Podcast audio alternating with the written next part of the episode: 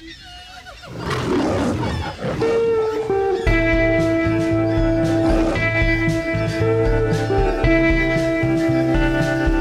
whole world wild and weird.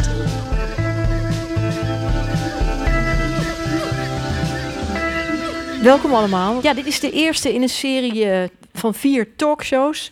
Waar eigenlijk de overkoepelende titel is eh, Wild at Heart. En dit is nummer 1, Back to Nature. En de andere hebben allemaal prikkelende titels als Eco Phoenix en Eco Ghost, geloof ik. En Eco, ik weet niet. Erotiek, geloof ik. Het is een eh, samenwerking tussen de Floriade en de Tolhuistuin. Dat zien we ook wel. En ehm, ja, Floriade heeft het moeilijk, maar hij is gewoon open. Hè? Dus ga erheen, want het is heel mooi als je wat stilte wil. En wat mooie ruimte. ja, en de, de kunstafdeling, dat is heel erg mooi. En daar werd ook heel positief over geschreven. Dus ga daarheen. Even kijken. Het gaat dus over eh, Back to Nature deze vanavond. En dat is eigenlijk ja, een beetje rewilding, is een ander begrip wat eh, rondgaat. Eigenlijk de oervorm terug naar de natuur. Twee topgasten, eh Marieke Heidman, eh, schrijfster, ook bioloog, en Wouter Helmer. En hij is onder andere eh, zeg maar, de initiatiefnemer van de Rewilding Europe. Ga ik zo direct ook mee spreken. En we eindigen straks dan eh, dit uurtje, dus nog eh, drie kwartier ongeveer, met een meditatie van Nora Raamakers. En ik begreep dat dat ook een soort helemaal een eh, eco-meditatie, een beetje eigenlijk naar het diepste van ook een soort erogene zones, dacht ik. Maar daar moeten we dus nog even door de andere tijd heen bijten voordat we daar zijn. Goed. Mijn eerste gast, ik zei het al, van huis uit bioloog, maar heeft zich vooral ontwikkeld als schrijfster. Haar eerste roman De Wateraap heb ik er toevallig ook eh, over gesproken een paar jaar geleden. Was al een eh, groot succes en nu heeft ze de eh, Wormmaan geschreven. En heeft ze notabene de Libris Literatuurprijs gewonnen. Dus geef haar een groot applaus. Marieke Heidman. Ja, wat je wil, wat je wil. Ja, Marieke, even over die Librisprijs. Ja, god, ben je daar een beetje van bijgekomen? Eh, nog niet helemaal, nee. Nee? Nee, het is, eh, nou ja, dit is mijn tweede boek, dus het is niet zo dat ik al heel veel gewend was aan eh, eh, publiciteit of, of ja, dat mensen het op zo'n grote schaal lezen. Dus eh, ja, dat is fantastisch. Ja. En krijg je dan veel reacties van, van lezers? Of eh, krijg- moet je heel veel komen opdraven? Ja, ik heb net een boekhandelstoertje afgerond, dus eh, ja, dan kom je wel veel met lezers eh, in aanraking en dat is, dat is heel erg leuk, want nou, het is heel fijn om een recensie te krijgen die positief is, ehm, bijvoorbeeld. Eh, maar een gewone lezer die geraakt wordt door de tekst en je dat komt vertellen, dat went nooit. Ik blijf dat altijd heel bijzonder vinden. Want het is toch alsof je elkaar eventjes aanraakt. E.T. een beetje. Ja, precies. Een beetje E.T. Oh, wat goed. Ja. Ja. Wormmaan, voor wie het niet gelezen heeft. Wie heeft het nog niet gelezen? Ja, zie je. Kijk. Het is allemaal potentieel. ja, eh, het heeft twee vertellijnen. Hè. De een is Elke, een, een zaadveredelaar die met een veredelde ert naar een waddeneiland gaat om te proberen deze terug te ontedelen, als ik het zo mag zeggen, naar, naar een soort oerert. En daarnaast het personage Ra. Zij leefde 9000 jaar geleden in een periode dat eigenlijk mensen van jagers-verzamelaars die gingen vestigen als eh, ja, stammen hè, en, en, en de landbouw in haar oervorm plaats begonnen te hebben. Zeg ik het zo goed? Ja. Het boek is een soort zoektocht naar oorsprong van zowel planten als de mensen. Is het, is het een terug naar de natuur, back to nature? Nou, terug naar de natuur, ja, daar, zit heel veel aan vast. Dan beland je denk ik ook snel op een soort romantische tour. Ik moet ook meteen aan de Blue Lagoon denken en zo. eh. dat verhaal wilde ik niet vertellen. Ik wilde eigenlijk vooral blootleggen wat er in onze maatschappij allemaal gedomesticeerd is. Of, en ook op welke manier je daar ja, last van kunt hebben en of dat ook anders kan. Dus ik vond dat blootleggen interessanter dan een romantisch verhaal schrijven. En wat vooral liet je, pelde je af? Een beetje eigenlijk onze hele... Ja, ja, dat moet je zelf natuurlijk even. Ja. Ehm, nou, wat ik doe in mijn boek is dat ik een parallel leg tussen de manier waarop we onze gewassen hebben gedomesticeerd. hè, Dus dat we uit een grashalm graan hebben weten te kweken. En dat we op een vergelijkbare manier elkaar ook vormen. En in mijn boek gaat het dan wat specifieker over identiteit en dan nog specifieker over gender. Dus hoe wij van elkaar vinden dat vrouwen zich moeten gedragen, moeten kleden, noem maar op. Het had ook over een man kunnen gaan, want daar geldt eh, iets vergelijkbaars voor. Maar al die ideeën omtrent vrouwelijkheid en mannelijkheid, ja, daar ziet mijn hoofdpersoon een parallel in. En dat heb ik willen ontleden. Ja, dat we eigenlijk weer een product zijn van verwachtingen of hoe, eh, hoe, een, hoe een vrouw hoort te zijn. Of hoe, en en bij, bij die veredeling is het inderdaad, die witlof is erg bitter, dus die maken we zoeter. Precies. Dus we, we doen het eigenlijk naar onze wensen. Precies, precies. Ja, Ja. ja. Even heel terug op de performance. Want dat ging, ik moest even ontzettend aan jou denken. Dat hadden we natuurlijk niet bedacht. Want in het boek speelt een steen ook een rol. Hè? Wat, Ja. wat vond je van, van Jasper en, en Nou, dat gender? vond ik- het was natuurlijk Vond ik ook heel leuk, ja. Nou, dit, dat zou ik eigenlijk ook aan Jasper dan eens moeten vragen. Wat, wat, Ik ga hem wat- straks nog even spreken. wat de aantrekkingskracht is tot de steen. Want ik ben daar zelf ook niet helemaal uit. Een steen is, voor zover ik weet en ervaar, genderloos. Dus dat is er, vind ik al heel fijn aan. Dus je hoeft je daar niet op een bepaalde manier toe te verhouden. Een steen is een steen. En ik heb datzelfde een beetje met dieren. Die hebben ook niet per se dat hele, die hele kermis nodig. Dus dat vind ik zelf heel fijn aan stenen. En nou ja, wat mij ook triggert, ik ben ook wel gefascineerd door de prehistorie. En mensen zijn natuurlijk al vrij snel in het mens zijn, in hun mens zijn, begonnen stenen gezichten te geven of, of geslachtsdelen of, of nou ja, iets in die stenen te zien. Dus een meer metafysisch niveau geeft mij dat ook een connectie met die mensen of zo. Ja, ik kan het niet zo goed uitleggen, maar Nee. er, zit, er zit iets in stenen. Ja, Ja, ja en, en het is inderdaad een, echt een oer iets. Ik bedoel, Ja. die, die steen, die, die, die- hoe oud zijn die wel niet? Weet je wel, dat is natuurlijk Precies. ongelooflijk prehistorisch iets. Maar in je boek komt er meteen eigenlijk een steen in voor. Ja. En ik begreep ook dat jij in het Oudheidkundig Museum in Leiden... Of nee, of, of het Ja. Nee, klopt. daar ook. En, en, en ook was het op Cyprus een soort Ja. oervormen van landbouw. En, en, dus ook, en ook, zeg maar, die stenen speelden ook overal een rol in. Ja, precies. Nou ja, ja, dat is natuurlijk met archeologie altijd wel gevaarlijk. Want het zijn ook de stenen die overblijven. We weten niet wat ze allemaal met hout en been deden. Ja, daar deden ze ook wel dingen mee. Maar die stenen blijven altijd goed bewaard. Ja.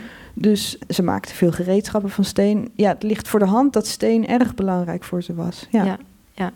Zijn we nou te veel doorgeslagen in het veredelen zeg maar, van, van gewassen naar onze behoeftes? Wat, wat is Ja. jouw mening?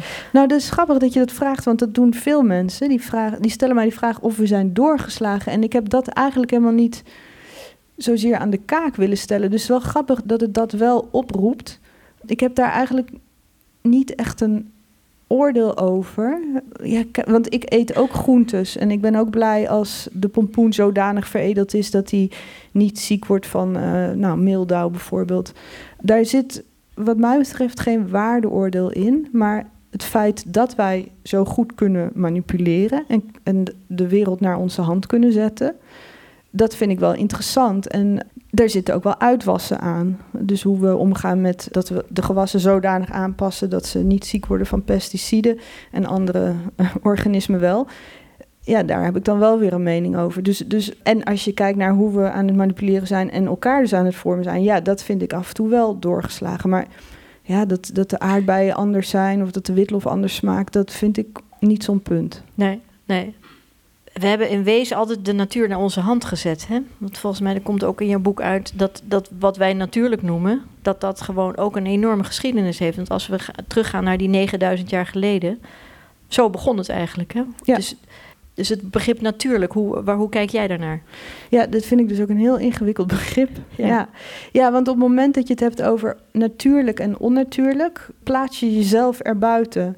Dan doe je net alsof wij niet ook onderdeel zijn van, van alles. En ik, ja, wij worden ook ziek, we gaan ook dood. Nou ja, dat zijn allemaal dooddoeners. Maar, dus ik vind het wel, het is een heel antropocentrisch idee om te zeggen, dit of dat is onnatuurlijk. Op het moment dat het door mensen gemaakt of bedacht is als ik dat even, dat is een semantische kwestie natuurlijk ook. Dus als ik dat loslaat, dan, dan snap ik het wel. En dan, ja, sorry, ben ik even je vraag kwijt. Nou, of dat wij, of wat het begrip natuurlijk Ja. eigenlijk inhoudt. Omdat dat eigenlijk altijd in ontwikkeling is geweest. Iets wat 9000 jaar geleden natuurlijk was. Weet je wel, is alweer heel anders dan of 100 jaar geleden of 10 jaar of 5 jaar geleden. Ja. Dat dat eigenlijk altijd een bewegend iets is. Ja, precies. Ja. Nou, en het grappige is dat sommige mensen zullen het misschien wel weten. Kijk, wij, wij bedrijven landbouw, dat is best bijzonder, maar het is niet uniek. Eh, er zijn ook mieren die luizen houden. Of die, die, of, en ik, in mijn boek noem ik ook het voorbeeld van dat de, de gazelle een bekje heeft dat gevormd is eh, om het gras eh, makkelijk af te kunnen grazen. En het gas is op zijn beurt erop aangepast om afgegaasd te worden. En, en die is er, heeft daar zelfs baat bij op een zekere manier. Dus wij zijn ook weer zo antropocentrisch om onze manier van de wereld vormgeven landbouw te noemen, onnatuurlijk te noemen. Terwijl in feite zijn we gewoon een organisme dat zich aanpast aan zijn omgeving. En ja, de omgeving ook enigszins naar zijn hand zet. Vervolgens kun je wel zeggen dat wij het anders doen, of op grotere schaal, of veel intensiever. En ehm, ja, En dat, is we daar zo. misschien iets te veel in doorgeslagen zijn. Ja, in die En intensieve... dan zijn we bij door. Ja, dan ben we. ik het mee eens. Ja, Ja, en ik begreep dat jij eh, als kind wel eh, boer wilde worden. ja klopt. Ja. En hoe denk je er nu over met al die protesten? Ja, nou daar zit ook direct mijn drama, mijn persoonlijke drama. Dat ik dus enerzijds ontzettend van de natuur hou, ook van de wilde natuur. Tegelijkertijd voel ik mij als boer of als tuinder. ehm, ja, want je bent wel tuinder, hè? Je, Ja. bent, je geeft ook les. Je hebt zowel biologie gestudeerd als volgens mij ook landbouwschool gedaan. ja, precies, precies. Om meer het praktische eh, daarbij te doen. Ja, omdat ik in de tuin ervaar dat ik op een gelijkwaardige niveau sta met die natuur. Ben ik veel meer in gesprek met de natuur dan wanneer ik een bezoeker in een bos ben. Dus En als bioloog ben je ook meer een observateur dan... Ja. Ja, ja. Dus Ja. je voelt je meer thuis in die gelijkwaardige verhouding. ik vind het allebei heel fijn, maar ik vind die gelijkwaardige verhouding wel heel prettig. Ja, met mijn handen in de aarde te zitten en heel bazaal te zorgen voor voedsel. Ja, En het wat eigenlijk heel natuurlijk is. Want Ja. dieren zijn de hele dag zo'n beetje bezig Ja. met voedsel vergaren. Dus ook dat is eigenlijk weer niet onnatuurlijk. Nee, Ja. maar wij zijn er een beetje van weggedreven, toch? We, hebben wel, we gebruiken soms al middelen. Ik ben wel van de biologische landbouw, maar sommige, veel boeren gebru- gebruiken natuurlijk wel middelen die ik heel kwalijk vind. Ja.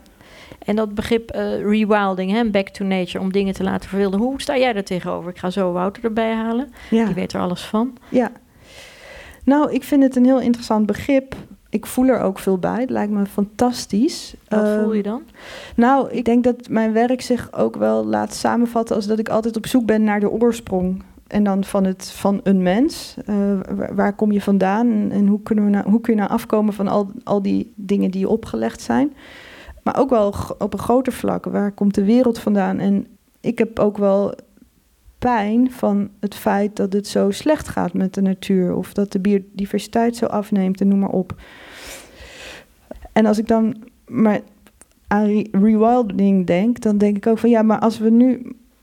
Maar daar gaat de volgende gast vast heel slimme dingen over zeggen. Maar als we nu de, de boel loslaten, dan ben ik ook bang dat, dat de natuur eruit gaat zien eh, met brandnetels, bramen en eh, nou, twee, drie soorten bomen.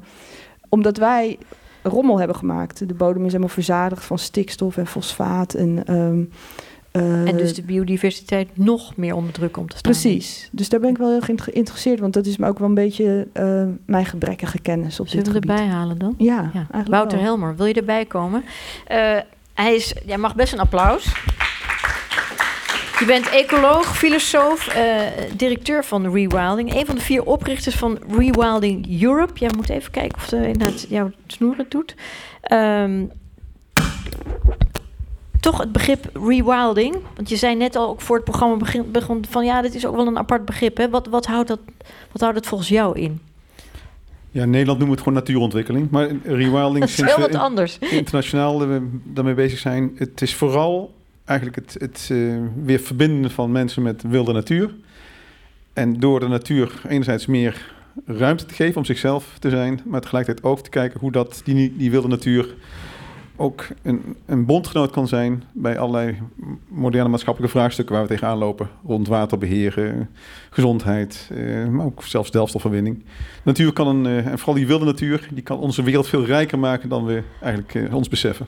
Want Marieke, die er best wel veel verstand van heeft, die schetste al het idee van nee, er komen er alleen maar bramen en brandnetels en zo. Maar jij weerlegt dat, hè? Vertel Ja, even, wat Ja, gebeurt Dat is er? gewoon niet wat er gebeurt. Want, want jij hebt daar heel veel ervaring mee. Ja. Hè? Je bent al sinds 89, volgens mij geef jij gebieden terug aan de natuur en dan dit.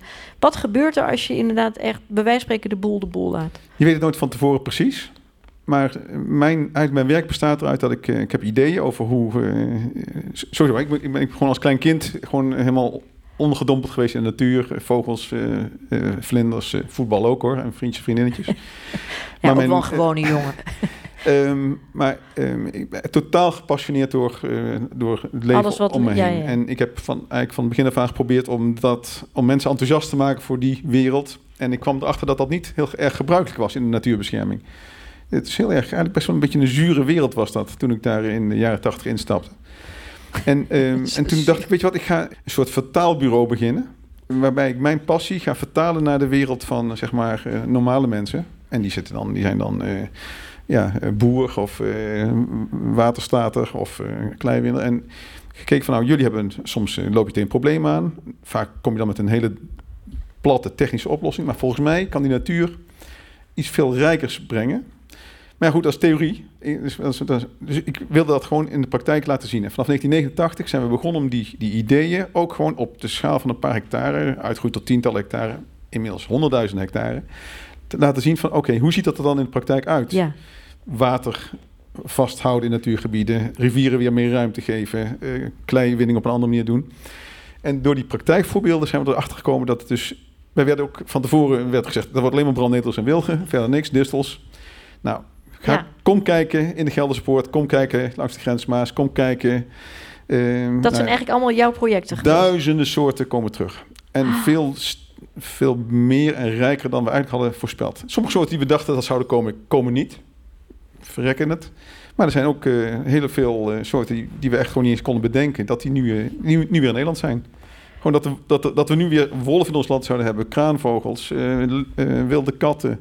Noem maar op. Het is, eh, dat is allemaal toch het resultaat van een iets relaxtere houding die we Dus- ons Dus permitteren. is, ten het is een beetje de teugels laten vieren, maar doe je wel iets? Je doet en wel blijven iets denken. En, en het- eh, vanuit een principe, want we, we beginnen vaak vanuit een soort woestijn. Gewoon een maisakker. Dat is eigenlijk vaak het begin. Ja, dus eigenlijk een akker. Wat, En eh, dan ehm, gebeuren er dingen en dan, heb, dan zie je dat sommige dingen niet gebeuren. En dan denk je van, wacht even, nou kunnen wij wat gaan doen om bijvoorbeeld die bomen meer ruimte te geven. Of, maar wat zou de natuur hier voor een, in, uit zijn gereedschapskist halen? Dat is eigenlijk een soort basisprincipe. Waardoor als we iets doen in onze gebieden nog, meestal eh, hoeft dat niet, maar als we iets doen, dan is dat eigenlijk altijd met, vanuit het idee om daarna minder te hoeven doen. Dus als je, het is eigenlijk ja, bijna zoals Ja. je je kinderen opvoedt. Als je, die, als je steeds meer moet doen om zeg maar, jouw kind in het gereel te houden, dan weet je dat je fout bezig bent. Ja, ja. Terwijl op het moment Maar dat je hoe steeds, draai je dat om, zeg? Jeetje. maar terwijl op het moment dat je, zeg maar, als je met steeds minder inspanning dingen tot ontwikkeling ziet komen, dan weet je dat je, dat je eh, goed bezig bent. Dat is eigenlijk met die natuurgebieden van ons, dat we zien dat we steeds beter snappen hoe begrazing, eh, predatie, eh, hoe bodemherstel plaatsvindt, hoe, nou ja, hoe, hoe eh, meer soorten planten, zeg maar, ook voor elkaar eh, de bodem vormen. Dat, eh, dus we, ja. Dus het is eigenlijk een enorme successtory. Als ik jou zo hoor. Nou, het is... Maar waar gaan we dan van leven? Hoe gaan we die combinatie, waar nu ook heel veel om te doen is eigenlijk, waarvan je denkt, het moet veel natuur-inclusiever, hè? Want dat, Ja, dat, is het. ons ons gelukt met het rivierbeheer. Hè. Dus het, in Nederland eh, is gewoon het rivierbeheer helemaal geënt nu op deze filosofie. Ruimte voor de rivier is een programma wat direct geënt Ja, is bij op... Nijmegen is dat. Nou, dat is het hele riviergebied van, van Ja. Maastricht tot, eh, tot Rotterdam en Ja, tot, aan is- Kampen. Het drinkwater winnen in Nederland gebeurt veel meer op basis van natuurlijke zuivering nu van de bronnen. In plaats van eh, landbouw en dan eh, met eh, chemisch de boel weer reinigen Ja. voordat je het kunt drinken. Gewoon natuurlijke bronnen. Kleiwinningen, er wordt geen baksteen meer gebakken die niet ook bijdraagt aan natuurontwikkeling. Dus er zijn een aantal sectoren die met dit gedachtegoed gewoon hun bedrijfsvoering hebben veranderd. Landbouw is wel een, een lastige. Maar, eh, dus ik, ik probeer al een paar jaar met mensen te vinden om, ja, ik noem het maar, vegetarische landschappen te ontwikkelen.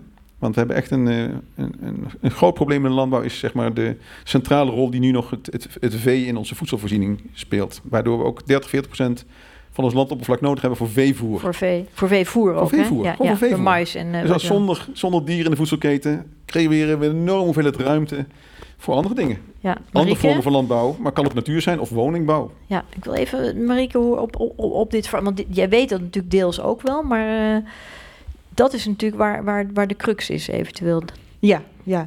Nou ja, de, de hele stoffenstroom is, is verstoord. Omdat we, nou ja, het is, er wordt, er wordt ook veevoer inderdaad in Nederland verbouwd. Maar er wordt ook heel veel gehaald vanuit het buitenland. Dus je moet je voorstellen, daar zitten allemaal nutriënten in. Die worden uitgepoept door ons vee. Ja, waar moet dat heen? Dus je krijgt hier een enorme Ja, we Eh, hebben alleen maar de mest. nutriëntenophoping. Ja. Ja. dat gaat in de grond, het gaat in het grondwater. En ja, dat. ik ben ook wel eens, nou ja, dat, dat wisten ze natuurlijk al lang. Dus daar zit wel ook altijd mijn woede, mijn irritatie. Dat ik denk, ja, nu komt dat aan het licht. Maar dat, dat, dat hebben ze moeten weten. Het is gewoon chemie. Het is gewoon rekenen. Waar moeten die nutriënten heen? Dus ja, dit, is, dit, is, dit ja, moet vegetarischer. Ja. Dus, dus, dus dat is het. Of grondgebonden. Hè? Dat wordt Ja. nu ook geroepen. Maar jij je hebt zoveel zegt- koeien als je grond hebt. Maar Dus ja, ga door. Want jij zegt eigenlijk, eh, rewild, het gaat veel meer om natuurontwikkeling. En dit is waar we dus veel meer naartoe moeten. Dus eigenlijk een soort vertrouwen hebben dat de natuur Ja. eh, zelf in balans komt. Ja, en- maar dan gaat het, ja, nee, ga door. Nou, en daar, en, maar dus bij de waterbeheerders en de delfstofwinners was het eigenlijk best wel makkelijk. Want die zeiden gewoon van, nou, jij, jij komt met oplossingen voor ons probleem. En jij hebt verstand van natuur. Dus eh, samen komen we er wel uit. Bij, bij boeren heb ik vaak een lastige discussie. Want die vinden eigenlijk dat ze veel meer verstand van de natuur hebben dan ik. Ja. En ze- zij gaan over. En dat heeft, zit heel erg in onze cultuur ingebakken. Dat de mensen die het voedsel verbouwen, eh, eigenlijk ook zo'n beetje over de natuur gaan. Ja, nou ja, dat, dat merk je En, nu en ook wel. natuurbeschermers verwijzen vaak in hun doelen naar landbouw van vroeger. Dus het, het besef dat, dat natuur in zichzelf, zeg maar, ja, nou ja, al die processen waar je ook eh, die je beschreven hebt, dat dat, dat ook bodem verbetert, ook voor voedselproductie. We hebben nu een aantal heel interessante rewildinggebieden in Europa waar ze al twintig jaar bezig zijn met eh, zeg maar verwildering. En waar de bodem op dit moment veel beter is voor landbouw dan dat hij was toen ze hem uit productie namen. Aha, Dus je kunt, eh, dus ook hier kan de natuur een rol spelen bij het verbeteren van de bodem voor voedselproductie. Nog even los van, dus dat je ook kunt zeggen, nou, we gaan ook, omdat we minder grond nodig hebben voor veevoer, gaan we ook gewoon natuurgebieden ontwikkelen rond die landbouwgebieden, waar, eh, waar bijvoorbeeld pollen, eh, zeg maar, bestuivers, insecten leven. Dus je kunt, ja, er zijn allerlei oplossingen denkbaar, maar de landbouwsector is, een, is de, ja, de moeilijkste sector in onze samenleving om hiervan te doordringen. nou dat kan je wel zeggen, ja, als je eh, al die tractoren, want, want je, die zijn, maar jij, jij hebt er ook meer, meer contact mee, want dat, dat, daar zit natuurlijk de crux om, om een hele andere omslag te hebben. Marieke, jij knikte net eigenlijk bij iets wat Wouter zei, waar, waar wil hij op reageren? Ja, wat was het nou? Ehm, nou ja, ehm, Met die bodem, bodem. volgens mij, ja, dat Ja. die eigenlijk rijker ja wordt op een gegeven moment. Ja. dankjewel. Ja. Heel goed, dank je. Nee, dat is, dat is eh, nou, ik, ik, ik kom dus vanuit de hoek van de biologische landbouw en daarin, of zelfs de biodynamische, dat is nog, nog een treetje meer. Daar staat de bodem heel erg centraal. Want in de gangbare landbouw is de bodem heel lang gezien als een substraat. En daar kun je van alles in stoppen en dan gaan de planten harder groeien. En er werd helemaal niet gekeken naar bodemvruchtbaarheid of naar orga- organisch stofgehalte. Of dat daar sowieso bodemleven is. Dat de, dat de bodem inderdaad vruchtbaar houdt. Terwijl de basis is de bodem natuurlijk. Precies, de basis is de bodem. En, eh, en die bodem stopt ook niet bij die akker. en het water ook niet. Dus het is natuurlijk allemaal één geheel. Dus dat is een heel groot probleem, dat, dat die bodem zo lang als een levenloos substraat is behandeld. En dat, dat, daar gaan we wel de prijs voor betalen. Maar dat duurt in Nederland heel lang, omdat wij hier van nature hele rijke bodems hebben. En ze eroderen niet zo makkelijk, omdat ze vlak liggen. Dus in andere landen heb je dit is dit probleem al veel eerder aan de oppervlakte gekomen. En het duurt bij ons gewoon helaas te lang. Ja. dus we hebben deels een te rijke, hè, die, die rijke klei, die is natuurlijk heel eh, in, in zo'n delta. En, en we hebben ook nog hele eh, koppige boeren. Ja. Wouter, hoe zie jij, ja, waar ligt dus die, die oplossing ligt bij dat rewild, hè, dat niet, eigenlijk zoals jij het je voorstelt. Maar gaat dat lukken of zit er, Niet alle je kijkt, oplossingen, maar... nee, want je kijkt ook een beetje moeilijk. Wat, wat zijn de, wat zijn maar het is voor- vooral het, het, het besef of de, de, dat natuur veel meer is dan zeg maar, hoe wij het als mensen vanuit ons rentmeesterschap of gedefinieerd. Het is een, ja, ik zeg het, dat is een ongelooflijk rijk team eigenlijk waarin we zijn opgegroeid als mensen. Ja. En alleen al in Nederland praat je over 15.000 soorten met wie wij zijn mee opgegroeid in dit land. Ja, Eh, en, en die ons op allerlei mogelijke manieren ook, ja, ook soms, soms gevaarlijk zijn. Maar goed, dat kunnen we best eh, handelen tegenwoordig.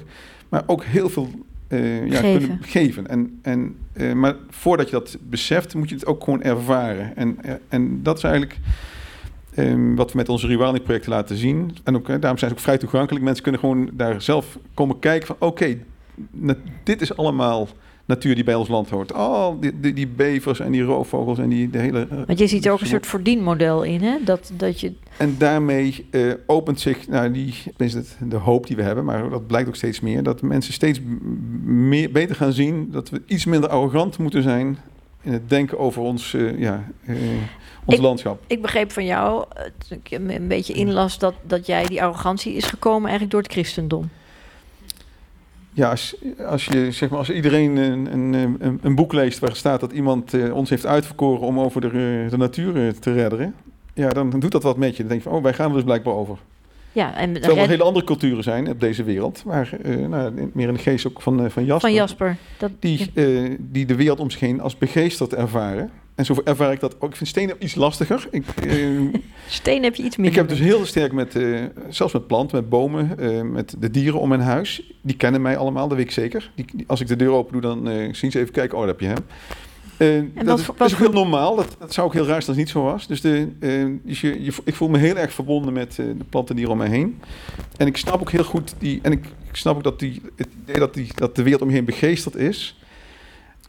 Ja, dat is een, eigenlijk een, ook best wel een hele relaxte manier van omgaan met die omgeving. Je, je- je- we, we moeten. Ja, het is een. We moeten ja, gewoon samenwerken. Ja, precies. Zo voel ik dat. En, en, ik, en ik, ik zie onze opgave naar de toekomst ook echt van... We gaan, het, ja, we gaan er gewoon weer als team mee aan de slag. En niet vanuit die arrogante christelijke opvatting... dat wij verantwoordelijk zijn voor, eh, voor alles om ons heen. Ja, dat renmeesterschap, hè, dat wordt ook. En we hebben Daar ongelooflijk veel eh, domme dingen mee gedaan. Nou. Met die eh, arrogantie. Ja, Marieke. Mee eens, hè? Ja, nee, ik, ik, ik haakte er aan op dat begeesterd zijn inderdaad. En ik denk, eh, nou ja, ik heb een boek geschreven omdat ik vond dat het nodig was. Dat, is, dat staat op één, maar op twee staat wel echt dat ik probeer ook met mijn schrijven, met mijn verhalen, de men- mensen weer in de natuur te praten. Ze te verleiden om weer inderdaad onderdeel te worden. Want het is overal. Het is ook het onkruid tussen de stoeptegels. Of, of eh, ik fietste naar het station en dan zie je zo'n bouwterrein waar nog niet gebouwd wordt. En dan staan daar teunisbloemen en de bijvoet en honingklaver. En dat vind ik ook wilde, wilde natuur. En de pioniers die dan dat opzoeken, hè? Precies, precies. Dus ehm, als ik dat kan naar de mensen kan brengen, eh, waardoor ze zich weer inderdaad lid van het team voelen, ja, dan, dan gaan we echt denk ik een andere kant op. Ja, is dat ook een beetje inderdaad je missie? Want het is literatuur. Hè, die, om weer de mensen weer te laten voelen... we zijn onderdeel van, eh, van een groter geheel. En van, van, van alles, ja. Ja. Nou, dat vind ik wel een belangrijke bijvangst. Ja. Ja. En dat kun je, eh, zeg maar, afstandelijk... Nou, ik heb al een beetje moeite met dat begrip intrinsieke waarde. Want daarmee, dat is weer een beetje een afstandelijke... Ja, dat wordt gebruikt eh, terwijl ik, ik, zeg maar... ehm, in, in stukken, in, in, toch? In, Ik vind het heel belangrijk dat mensen ook, eh, dus dat, dat, dus we hebben allerlei ideeën, maar om het ook gewoon in praktijk met elkaar te gaan- gaan be- beleven hoe het werkt. En om toch ook te blijven nadenken van, nou, waar zijn we mee bezig, ook op andere eh, beleidsterreinen. En wat kan die natuur Nou, het, het, het gaat natuurlijk om eh, eh, wa- wat jij voorstelt. Ik denk dat iedereen hier nu mee eens is. Denk je, ja, zo, hier moeten we heen. Maar we zitten nu notabene in bijna een hele gevaarlijke situatie... Hè, waar, waar we nu ons bevinden. Dat, dat, dat, dat het heel erg gepolariseerd is. Dat de boeren denken van... Wij worden ons, er wordt ons iets door de, door de strot geduwd. Terwijl als ik jullie zo hoor, denk ik... Ja, dit is wat, wat, ze- waar ze naartoe moeten. Marieke, hoe, hoe, hoe, kunnen, we, hoe kunnen we de boel eh, ja, goed krijgen, denk jij? Nou, wat ik, wat ik wel snap van de boeren is dat ze natuurlijk jarenlang investeringen hebben gedaan. Op grond ook van Europese subsidies en, en, en raad van de banken en noem maar op. Beleidvoering. En dan moeten ze inderdaad in, toch wel vrij ineens dat, een hele bedrijfsvoering omgooien. Ja, veel boeren zullen gewoon moeten stoppen. Dus ja, dat sentiment snap ik wel. Maar dit is al heel lang gaande, dat eh, de boel kapot gaat en dat de boeren moeten veranderen. Dus Dat dacht ik ook. Ze weten heel lang en er is heel veel geld. Weet je, Ik denk, Ja. wat, wat is nou toch... ja, Het groot- is vooral sentiment, Wouter? En de- het is Het een rare, eh, zoals het probleem wordt geschetst. eh, eh, ik snap er helemaal niks van. We hebben ongelooflijk boeren nodig, misschien wel meer dan dat er nu zijn, ja, om ons eh, van voedsel te voorzien. Daar zou de discussie eigenlijk helemaal niet over moeten gaan, over het, het saneren van eh, de boerenstand. Nee. Nee, we moeten naar een transitie naar een, een vorm van voedselvoorziening, die gewoon minder schadelijk is voor het milieu. En daar hebben de boeren keihard bij nodig. ja. Alleen ja, een ander soort boeren dan op dit moment zeg maar, door, de, door de Rabobanken en, eh, en Fri- Friesland Campina's eh, eh, worden uitgebuit. Ja. En ehm, dus ik, ik denk dat dat. We, hebben dus, we moeten gewoon heel goed met de boeren nadenken hoe we die transitie naar een meer vegetarische landbouw. Het hoeft niet 100%, hè, maar gewoon naar die vegetarische landbouw kunnen maken. ja. Waardoor eh, het boerenvak gewoon weer eh, alleen maar meerwaarde heeft. Gewoon een, een bedrijf weer is wat naast voedselvoorziening ook gewoon een hele hoop maatschappelijke waarden oplevert. En het, ja, wel het, het langzaam het uitsan- uitsaneren van die intensieve veehouderij. Maar dat is, ja, 100 jaar geleden was die er ook niet. Maar veel van de huidige varkenshouders, dat waren gewoon eh, turfstekers in de peel, bij wijze van spreken. Ja, En ja, dus het omscholen naar een, een, een onderneming die maatschappelijk weer relevant wordt. Ja, ik denk dat dat, dat, dat is de uitdaging. En dat heeft, het gaat dus niet over het, eh, ja, het, het beëindigen van boerderijen. Het gaat om het, het ombouwen van boerderij naar duurzame landbouw. ja, en wij hoeven niet weer helemaal terug in plaggenhutten en dat Absoluut soort dingen. niet. Nee, sterker nog, ik denk dat die, die landbouw waar we nu om vragen, ja, dat is wel een high-tech landbouw, Ja, maar zonder dieren in, de, in grote dus stallen. vooruit naar vroeger met, met alle high-tech dingen erbij. En, en wij, en er zijn natuurlijk, dat schreef je ook, veel meer de verstedelijking. Hè? Veel meer mensen wonen in de stad. En daardoor krijgt eigenlijk de natuur veel meer een kans, toch? Om, Ja, dat is wel eh, grappig. Dat je, hè, de- 100 jaar geleden was eh, zeg maar 80% van onze bevolking direct of indirect verbonden aan de landbouw. Nu is dat nog maar 2 of 3%. Dus de meeste mensen hebben gewoon een, ik zou maar zeggen, even een saaie baan in de stad. En gaan in het weekend op vakantie de natuur in. ja, Dus die, ehm, de, de houding, dus in zekere zin zijn we vervreemd van de natuur. Maar tegelijkertijd zijn we ook wel iets relaxter ten opzichte van die natuur. Dus die wolf is niet langer meer een, een bedreiging, is gewoon een attractie. Ja. Dus je krijgt een, een, eh, doordat onze samenleving verstedelijkt, ontstaat er gek genoeg ook een, een zekere ontspanning ten aanzien van wildere natuur. ja. En ik denk dat dat een kans is voor ons Ja. allemaal. Ja, even tot slot, Marieke. Ja, dat, dat is het ook wel. Hè? Maar je hebt, je hebt natuurlijk wel wat mensen nog in de natuur nodig. Maar je merkt wel een herwaardering voor, voor de natuur. Hè? Wat Ja. zeker met corona ook. Dat Ja, het enige wat open was. Ja, ik denk dat er inderdaad veel grotere behoefte is aan natuur. Ik merk dat zelf ook wel in de, in de vraag of de wens naar tuincursussen of moestuinen, Die geeft, volkstuinen die ik geef. Ja, er is een heel grote wens om dat soort basale kennis eh, je toch weer eigen te maken. En, en al die mensen gaan heus geen boer worden. Ehm, maar ze willen zich veel meer weer verbinden met die natuur. En dat, dat is wel echt een eh, trend inderdaad. Ja. Dus Wat eigenlijk. ook voor onze gezondheid trouwens heel Zo. erg belangrijk is. Want ik- daar heb ik nog niet aan getipt, maar de grootste economie waar natuur een rol in gaat spelen, dat is de gezondheid van ons Ja. allemaal. En daar zijn boekenkasten vol over geschreven. Maar in de praktijk eh, profiteert de gezondheidssector en de verzekeringsmaatschappijen wel van eh, natuur en groen eh, rond ziekenhuizen en zo. Maar het draagt nog niet echt bij aan natuur als preventieve gezondheidszorg. En als, als we die slag maken, dan gaan we een hele andere economie krijgen in Nederland. Want, want wat, wat, wat bedoel je dan precies? Nou, het blijkt dat, eh, er lo- loopt een experiment in eh, Noord-Limburg, dat huisartsen die gewoon de tijd krijgen van een zorgverzekeraar om hun patiënten niet op 10 minuten gesprekjes eh, be- bekostigd worden, maar op de, gewoon de tijd die nodig is voor een patiënt, die verwijzen 25% minder door naar ziekenhuizen en psychiaters en pillen. En daarmee besparen ze tientallen miljoenen, alleen al in dit gebiedje, op de gezondheidszorg. Omdat ze iets meer tijd hebben voor mensen en mensen kunnen doorverwijzen naar, nou, zet een samen een moestuin op, ga samen wandelen in de natuur. Ik begreep, in, in Limburg is er een huisarts die schrijft voor wandelen in de natuur. Ja, en, dat, Op en, dat, recept. en dat blijkt zelfs En, dan doen ze het. er zijn- Die hebben dan die diabeteswandelingen en die mensen worden voor en na de wandeling geprikt. En Ja. de resultaten zijn eigenlijk, die kunnen eigenlijk niet. Die zijn spectaculair, toch? Ja, die, zijn, die kunnen theoretisch eigenlijk niet. Maar Nee, dat nee, komt nee. omdat die mensen die gaan niet alleen maar drie, vier keer per jaar op doktersrecept wandelen, maar die ontmoeten elkaar tijdens die wandeling. Gaan tussendoor ook wandelen. Dus Ja. ze worden veel sneller gezond dan eigenlijk op basis van die drie, vier wandelingen per jaar bedacht was. Nou, dit, dit, dit is zo simpel als wat. Ja, dat is het. Alleen wat nog moet gebeuren, dus die, eh, is dat die zorgverzekering... Want een deel van de, de, die preventieve zorg verschuift nu naar, gewoon naar dorpsverenigingen, moestuinverenigingen, eh, IVN's. En die moeten dus eigenlijk vanuit de gezondheidssector betaald worden Veel meer. om dit te, te gaan doen. En dan zijn we, Ja, besparen we met z'n allen heel veel geld. mooi, ja. Want die arme huisartsen die lopen helemaal over. Dus het kan allemaal anders. Ja, Mee eens. Ja, ja, ja. Nee, ik, ik werk al eh, een jaar of tien met vrijwilligers in, in de stad. En eh, ja, dit soort verhalen hoor ik aan de lopende band. Ja. Ja. Nou, het ziet er heel simpel uit. Ik zeg Wouter en Marieke voor president. En dan hebben we een geweldig land. Dank jullie wel. Wouter Helmer en. Marieke Heikman. Bijna tot slot. Dan gaan we Jasper erbij halen. Jasper? Ja. Pak even een microfoon. Ja, we hebben... Het idee was om te staan. Dat we dan weer Oh, een beetje dynamiek hadden in de... Oh, Is dat oké? Wil je gaan zitten? ik wil wel gaan zitten. Oh, oké. Dan gaan we aan het einde staan. Is dat goed? Is goed. Jasper, vertel even, hoe, hoe eh, inderdaad, waar is jouw werk op geïnspireerd? Want ik zei in het begin druïde, shaman, klopt dat? Een heel andere beleving met de natuur? Ja, absoluut. Ja, nou, het is heel, heel veel dingen die al gezegd zijn, komen er natuurlijk ook in terug. Hè. Wat over het christendom gehad, over omgang met het land, eh, de natuur als iets wat in de gezondheidszorg kan bijdragen. En dat zijn allemaal dingen die voor mij heel evident zijn. In mijn eigen leven ook. Heel veel noodzaak aan natuur, eh, gezondheidsdingen lossen zich op als ik wandel, als ik in het bos zit. Eh, ik ontvang daar ook dingen, inzichten, boodschappen, inspiratie.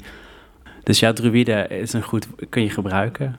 Ik gebruik zelf het woord druïde vooral ehm, omdat het, eh, vaak wordt shamanisme aangedragen ook. Als mensen zich bezighouden met de mystieke kanten van de natuur. En ook in de kunstsector is dat wel een bepaalde stroming, rituelen en shamanisme. Um, alleen shamanisme is een redelijk ja, cultureel specifiek iets... wat in veel andere plekken op aarde voorkomt.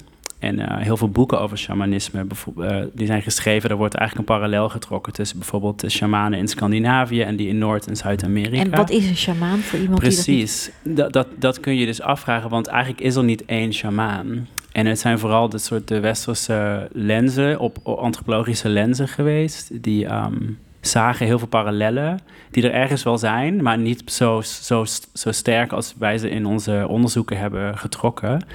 Uh, maar een shamaan zou je kunnen vertellen als een persoon die contact maakt met een onzichtbare wereld, die eigenlijk ook in de, in de community een bepaalde rol heeft voor conflicten, voor ziektes, om te kijken naar de toekomst, om dingen te integreren, om uh, dingen te duiden in bepaalde periodes waarin er uh, problemen zijn. Dat is een vrij algemene definitie. En voel jij je een shamaan? Nou ja, de, ik, ik geloof dat een shamaan een shamaan is als die door een gemeenschap zo wordt, uh, ja, wordt, wordt voortgedragen. Of als er een traditie is van shamanen die worden opgeleid. En in die zin in Europa hebben wij natuurlijk een enorm gebrek eigenlijk aan die tradities. Zoals ook al genoemd is, de, de, het christendom is hier geweest. Ik zeg het altijd zo dat um, spiritualiteit eigenlijk is gekidnapt door de kerk. Dus wij hadden een spiritualiteit waarin het leven, het eten, het land en de mens, en daar zat een cirkel in. Daarna is het naar zo'n kerk getrokken. En die kerk werd later natuurlijk de staat en de banken en het kapitalisme en de grote industrieën. Um, dus, Wauw, je legt het allemaal wel heel mooi uit. Zo, zo is die link, zie ik. Ja, dus maar in ieder geval om antwoord te geven, ik vind het woord druïde dat is een stuk interessanter, omdat een druïde is echt zo'n Europees archetypisch figuur. In We kennen hem van Asterix zo. Precies. in dan was hij die marentak altijd aan het... Uh... Exact, ja. En dat vind ik heel grappig, dat wij hebben nog steeds herinneringen aan de druïdes in onze uh, tekenfilms, computerspelletjes. Um, en eigenlijk is dat een van de weinige uh, culturele Verder. archetypes ja. die het nog overleefd hebben door die duizenden jaren... Ja, hoe noem je dat? Homogenizing van, van cultuur, van taal, van stedelijk leven.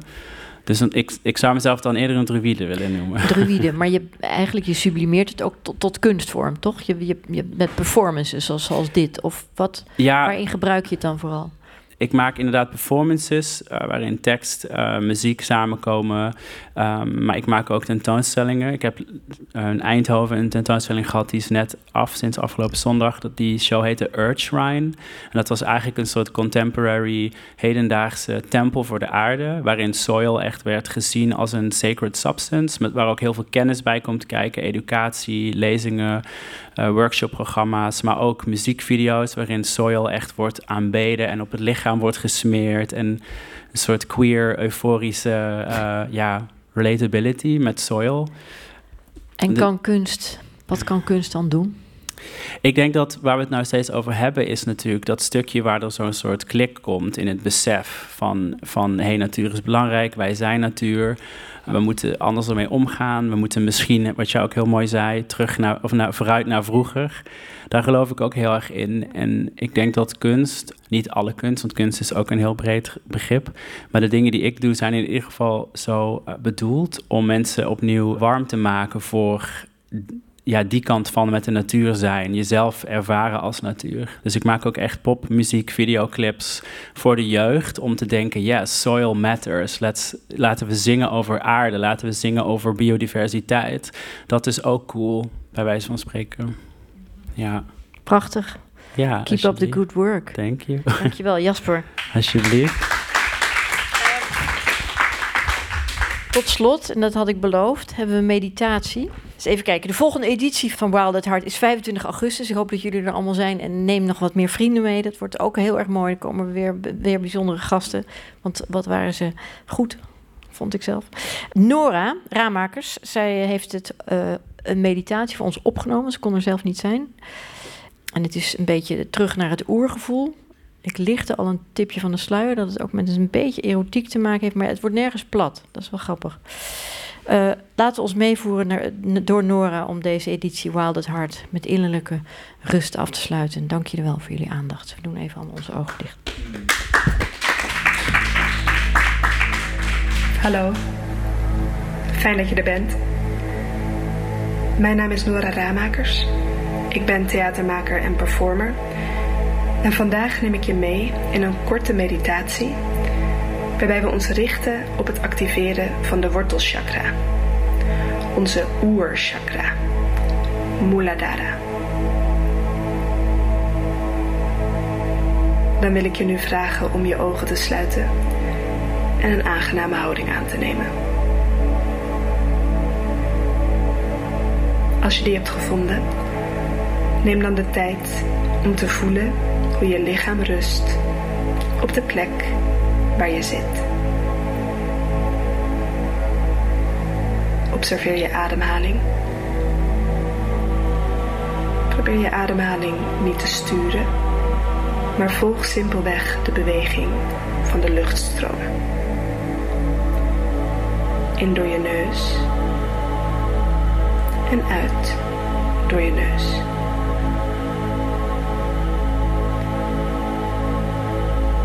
Voel de zwaarte en de breedte van je bekken. Volg met je aandacht het al maar meer indalen van je lichaam in de aarde. Focus je nu op je wortelchakra. Deze bevindt zich onder aan je ruggengraat, in je perineum, tussen je anus en je genitaliën. Visualiseer dat er op die plek een klein rood licht begint te branden. Voel de warmte van het licht en voel hoe het al maar groter en feller wordt. Hoe het zich verspreidt rond je anus en je geslacht. Visualiseer hoe het heel je bekkenbodem vult. Vul je buik ermee. Vul je lenden ermee. Je kunt zelfs een beetje bewegen als je dat lekker vindt. Alsof je het rond laat golven in je onderbuik en je pelvis. Blijf ademen. En word je gewaar wat er gebeurt met je lijf. Laat maar gebeuren wat er zich aandient. En dan mag je, wanneer jij er klaar voor bent, rustig je ogen openen.